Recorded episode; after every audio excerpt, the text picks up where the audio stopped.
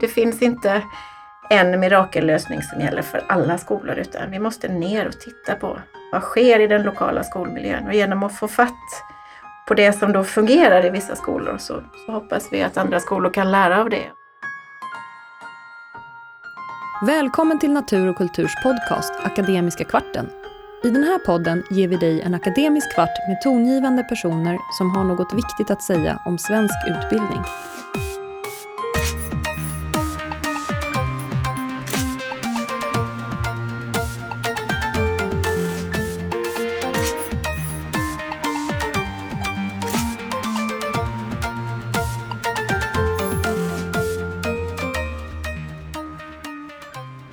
Jag heter Niklas Gårdfeldt Livi och är utgivningschef för den pedagogiska litteraturen på Natur och kultur. Idag ska jag träffa Maria Jarl som är forskare vid Göteborgs universitet. Idag sitter vi på Natur och kultur på Karlavägen i Stockholm och vi ska prata med ingen mindre än Maria Jarl, lektor i utbildningsvetenskap vid Göteborgs universitet.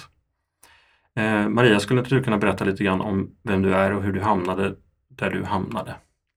Det kan jag gärna göra. Jag är ju statsvetare i, i grund och botten, disputerade på en avhandling som handlade om föräldrarinflytande i skolan för länge sedan. Och sen har jag ägnat 20 år snart åt forskning som på olika sätt rör sig i det här gränslandet mellan politik och statsvetenskap och utbildning och skola.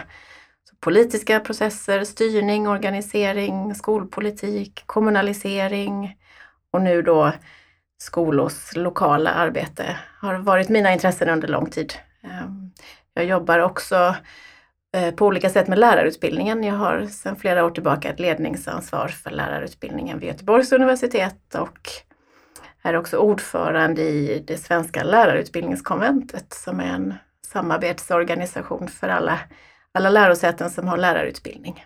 Mm. Ehm, så följer med stort intresse de här politiska reformerna kring skola och utbildning eh, på flera olika sätt. Ja, det är inte lite saker du har på ditt bord.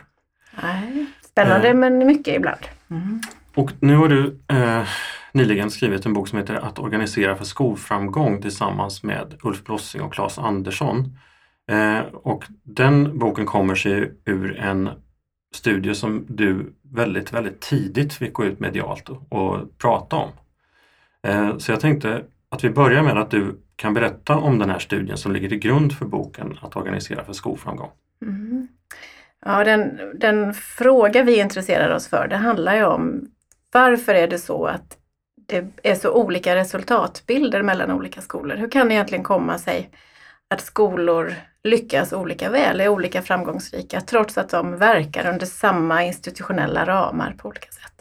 Så det var ett, ett genuint intresse för den frågan som ledde oss in i den här studien. Och det vi har gjort då det är att vi har gjort ett väldigt systematiskt och strategiskt urval av skolor och valt bland alla Sveriges grundskolor och då hittat fyra framgångsrika skolor och fyra icke framgångsrika skolor. Alltså skolor där meritvärdena har ökat kontinuerligt under en 14-årsperiod och skolor där meritvärdet då har försämrats kontinuerligt under 14 år.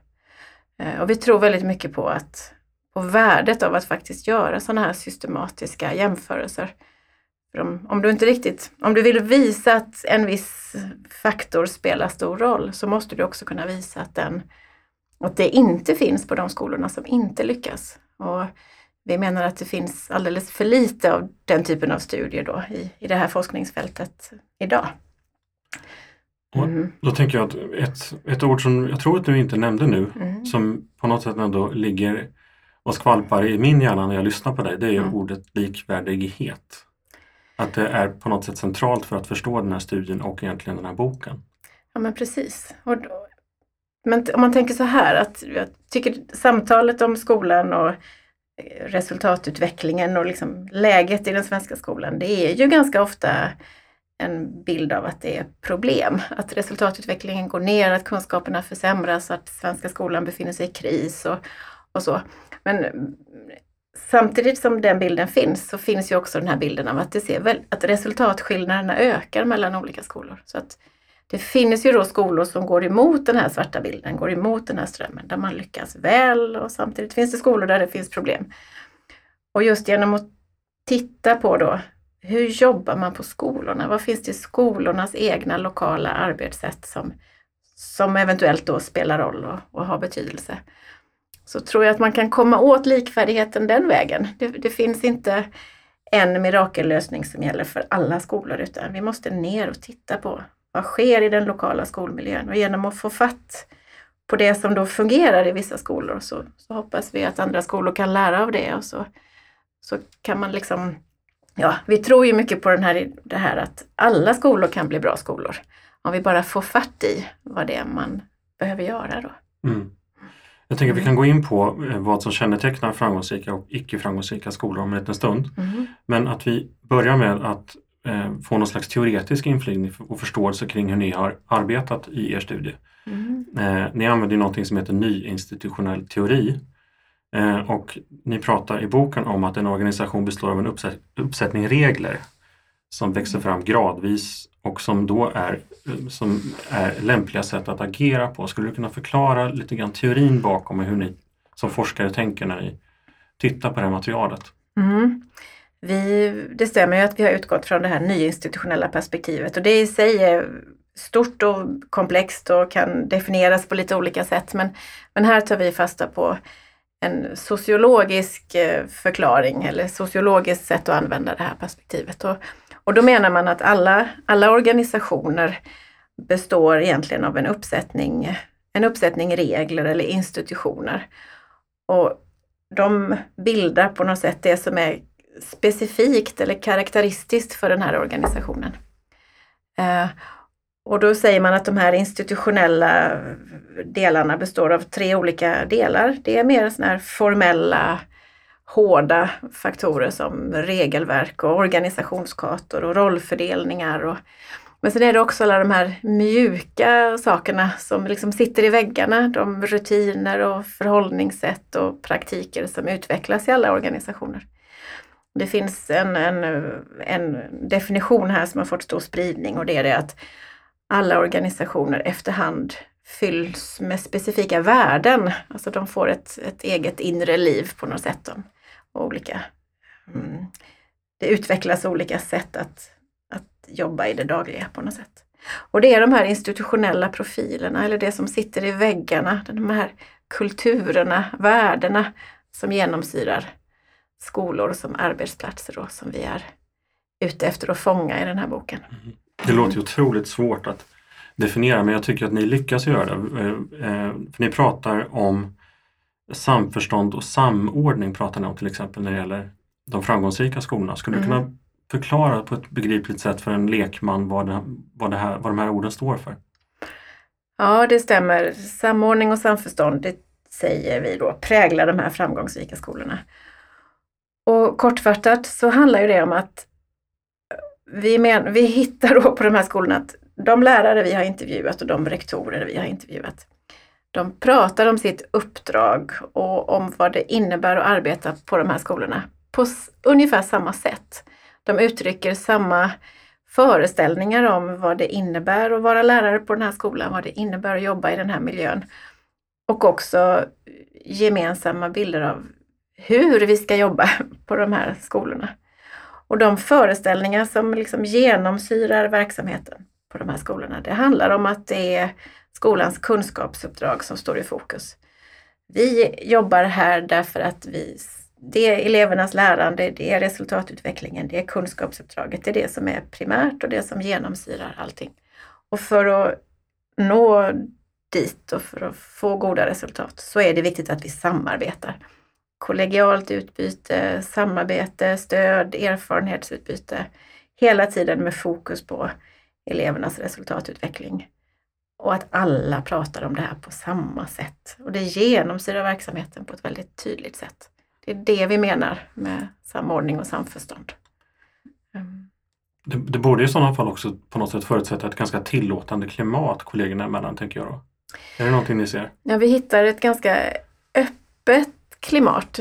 Mycket beskrivningar av hur man eh, delar med sig av erfarenheter, hur man går in och ut i varandras klassrum, hur man har gemensam planeringstid, hur man värdesätter att gå till kollegor och få råd och stöd och hur man ställer frågor till varandra och, och hur man också också en ganska öppen dialog mellan skolledning och lärare. Lärarna är också engagerade i ledningsuppgifter och tar ansvar för att driva och förverkliga de mål som skolledningen sätter upp på olika sätt. Så ja, ett, ett öppet och kollegialt erfarenhetsutbyte. Mm. Mm. Om vi då går över på de icke framgångsrika skolorna så då har ni ett, ett annat par ord, begrepp som mm. ni skriver som intresseskillnader och särordning. skriver ni om. Skulle du kunna förklara de icke-fungerande skolorna utifrån de begreppen på samma sätt som du nu fungerade, eh, förklarade de fungerande? Mm. Mm. Då, då är det ju så att eh, även på de här skolorna så finns det saker som är typiska och som kännetecknar miljöerna på något sätt. Och en sån sak det är att det finns, det finns lite olika föreställningar om vad det innebär att jobba på de här skolorna. En del lyfter fram de här, det här kunskapsuppdraget, det finns där också, men det finns också mycket annat som, som är viktigt och som, man, som, som det innebär att arbeta på de här skolorna. Eh, och man, det finns också gemensamma normer här, men då handlar det mycket mer om ensamarbete. Att man jobbar enskilt och tar ansvar för sitt eget klassrum. Och det finns inte samma uppslutning bakom att vi ska jobba tillsammans och dela med oss av erfarenheter. Som det gör på de här framgångsrika skolorna. Och eh, Vi ser också tydligt eh, att det är en, det är en mer eh, rörlig miljö på något sätt. Det är mycket omorganisationer, rektorsbyten, eh, inte liksom konflikter ska jag inte säga, men, men intresseskillnader. Man, rektorer ger sin syn, lärare en annan. Beskrivningar av hur försök till förändring som rektorerna driver möts av motstånd från lärarnas sida. Man upplever det som ökad kontroll och att man begränsar sitt handlingsutrymme. Och, rektorerna upplever att de blir bromsade. Och det, är en, det är en, helt annan, en helt annan logik som genomsyrar de här skolorna i vår studie.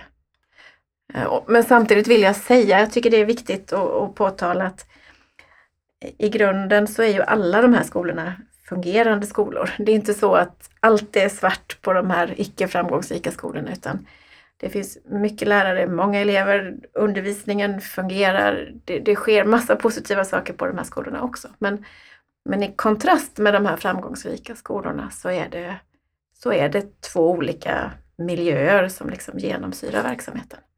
Här. Och de skolorna som ni valde, hur såg elevsammansättningen ut på samtliga de skolorna? Det, hur kontrollerade ni för den variabeln? Ja, det är ju en jätteviktig fråga därför att vi vet ju från tidigare, tidigare forskning att elevernas eh, bakgrund på olika sätt, socioekonomiska förhållanden, är en viktig påverkansfaktor i, i resultatutvecklingen. Men vi försökte så gott det gick att, att kontrollera för det i vårt urval. Så vi gjorde ju vårt urval av skolor mot bakgrund av kontroller då för föräldrarnas utbildningsnivå och elevernas migrationsbakgrund. För det det är de två variabler vi ser eh, betyder mest då. Eh, så, så gott det gick på statistisk väg försökte vi då liksom, ta bort betydelsen av olikheter i elevsammansättningen. Och sen kompletterade vi det här statistiska materialet med eh, annan mer kvalitativ data. Vi läste Skolinspektionernas rapporter, vi letade i tidningsartiklar, vi läste på skolornas hemsidor. Allt för att liksom försöka hitta så jämförbara par som möjligt. Mm. Mm. Då, eh, den här frågan är faktiskt den är en oerhört stor fråga men mm. ni formulerar den faktiskt själva i boken så därför så törs jag ställa den här till dig. Mm. Eh, hur kan kunskapsutvecklingen i den svenska skolan stärkas? Ja, om det fanns ett enkelt svar på den frågan så, så skulle vi inte sitta här, tänker jag. Men, men jag tror att, det är något vi resonerar kring i boken, just det här att jag tror vi har ägnat alldeles för mycket tid åt att sjösätta politiskt initierade reformer och alldeles för lite tid åt att diskutera och prata om och vad som egentligen är professionens huvuduppgifter och vad som är kärnan i läraruppdraget eh, på något sätt. För det förvånar oss att vi på de här icke framgångsrika skolorna så tydligt ser att, att det inte riktigt finns en tilltro till att det man gör som lärare spelar roll. Eh, och, och det där är ju något som man behöver våga prata om. Alltså, hur får vi till den där tron på att det är vi som profession som driver utvecklingen? Och då måste det politiska systemet skapa de strukturer och ramar och så som, som gör det tillåtet och möjligt för professionen att driva utvecklingen på ett tydligare sätt än vad man gör överallt idag. Då. Mm. Mm. Och då tänker jag att det är det som ni pratar om också i boken som ni kallar för lokalt ansvar och förutsättningar. Ja, att huvudmännen också, de lokala huvudmännen måste också se till att skapa strukturer och förutsättningar som gör det möjligt för, för skolorna att, att utvecklas på ett bra sätt. Mm. Mm. Eh, med ditt oerhört hektiska liv, hur gör du för att hämta kraft på ett personligt plan? Och då, då åker jag från stan och så tar jag med mig familjen ut till, till landet i, i Bohuslän och så, eh, ja, så, så, tillbringar vi helgen där, långt borta från, från allt, alla krav och så. Det är som man går in i en annan värld när man har förmånen att få byta miljö sådär. Det, det är härligt. Maria Jarl, tusen tack för det här samtalet. Tack.